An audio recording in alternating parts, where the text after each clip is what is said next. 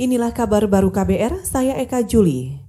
Saudara, penetapan pandemi COVID-19 sebagai bencana nasional non-alam tidak bisa dijadikan dasar bagi pengusaha untuk membatalkan kontrak bisnis yang sudah dibuat. Menko Polhukam Mahfud MD menegaskan, keputusan Presiden tentang penetapan bencana non-alam penyebaran COVID-19 sebagai bencana nasional hanya bersifat pemberitahuan Sedangkan pengusaha hanya tinggal menegosiasi ulang semua kontrak bisnisnya saja. Renegosiasi dengan tetap berpedoman pada ketentuan pasal 1338 Kitab Undang-Undang Hukum Perdata yang menyatakan bahwa setiap perjanjian yang dibuat secara sah berlaku sebagai undang-undang bagi yang membuat. Jadi tidak bisa secara otomatis lalu ini membatalkan kontrak-kontrak yang sudah ada.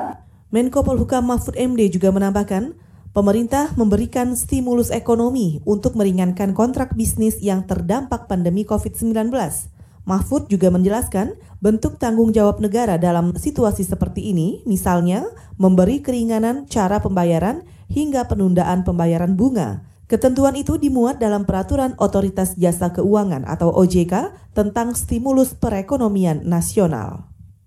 Kita ke soal THR pemerintah memutuskan para aparatur sipil negara atau ASN, TNI, Polri golongan eselon 1 dan 2 tidak akan mendapat tunjangan Hari Raya Idul Fitri. Menteri Keuangan Sri Mulyani mengatakan, THR hanya diberikan kepada ASN golongan eselon 3 ke bawah, sedangkan pensiunan ASN, TNI, dan Polri Sri memastikan mereka tetap mendapatkan THR karena termasuk kelompok rentan miskin terdampak pandemi COVID-19. Untuk ASN TNI Polri, Bapak Presiden sudah memutuskan THR akan dibayarkan untuk seluruh ASN TNI Polri yang posisinya adalah di bawah atau dalam hal ini sampai dengan eselon 3 ke bawah. Menteri Keuangan Sri Mulyani menambahkan, selain ASN eselon 1 dan 2, THR juga tidak diberikan kepada Presiden, Wakil Presiden, Menteri, anggota DPR, dan DPD. Meski begitu, Menteri Sri menyatakan keputusan itu masih dalam proses revisi dan menunggu persetujuan Presiden.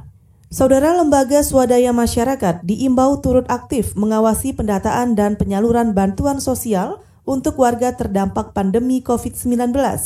Menteri Desa, Pembangunan Daerah Tertinggal dan Transmigrasi Abdul Halim Iskandar mengatakan, Pengawasan LSM penting untuk mencegah penyalahgunaan wewenang atau penyaluran bantuan sosial salah sasaran di tingkat desa. Misalnya teman-teman LSM bisa ikut melihat, memantau pendataan. Nah, ini, ini satu hal yang, yang sangat krusial, sangat harus betul-betul dicermati. Lah kalau teman-teman LSM ikut ambil bagian di situ, amat sangat berterima kasih karena biasanya sisi-sisi rawan itu di situ. Menteri Desa Pembangunan Daerah Tertinggal dan Transmigrasi Abdul Halim Iskandar juga mengajak LSM ikut memantau dan mengawasi sejumlah program kementerian dalam penanganan COVID-19.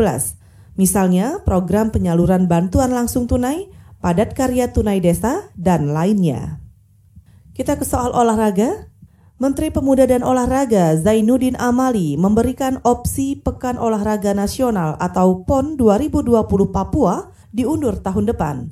Menurut Menpora, PON 2020 Papua yang seharusnya digelar pada 20 Oktober sampai November bisa digeser ke Oktober tahun depan. Pergeseran waktu itu disiapkan kalau pelaksanaan PON mustahil dilakukan tahun ini. Menteri Zainuddin juga menambahkan, pandemi virus corona juga mengganggu pembangunan arena olahraga atau venue untuk PON. Penyelesaian venue terancam tidak sesuai target pada Juli nanti.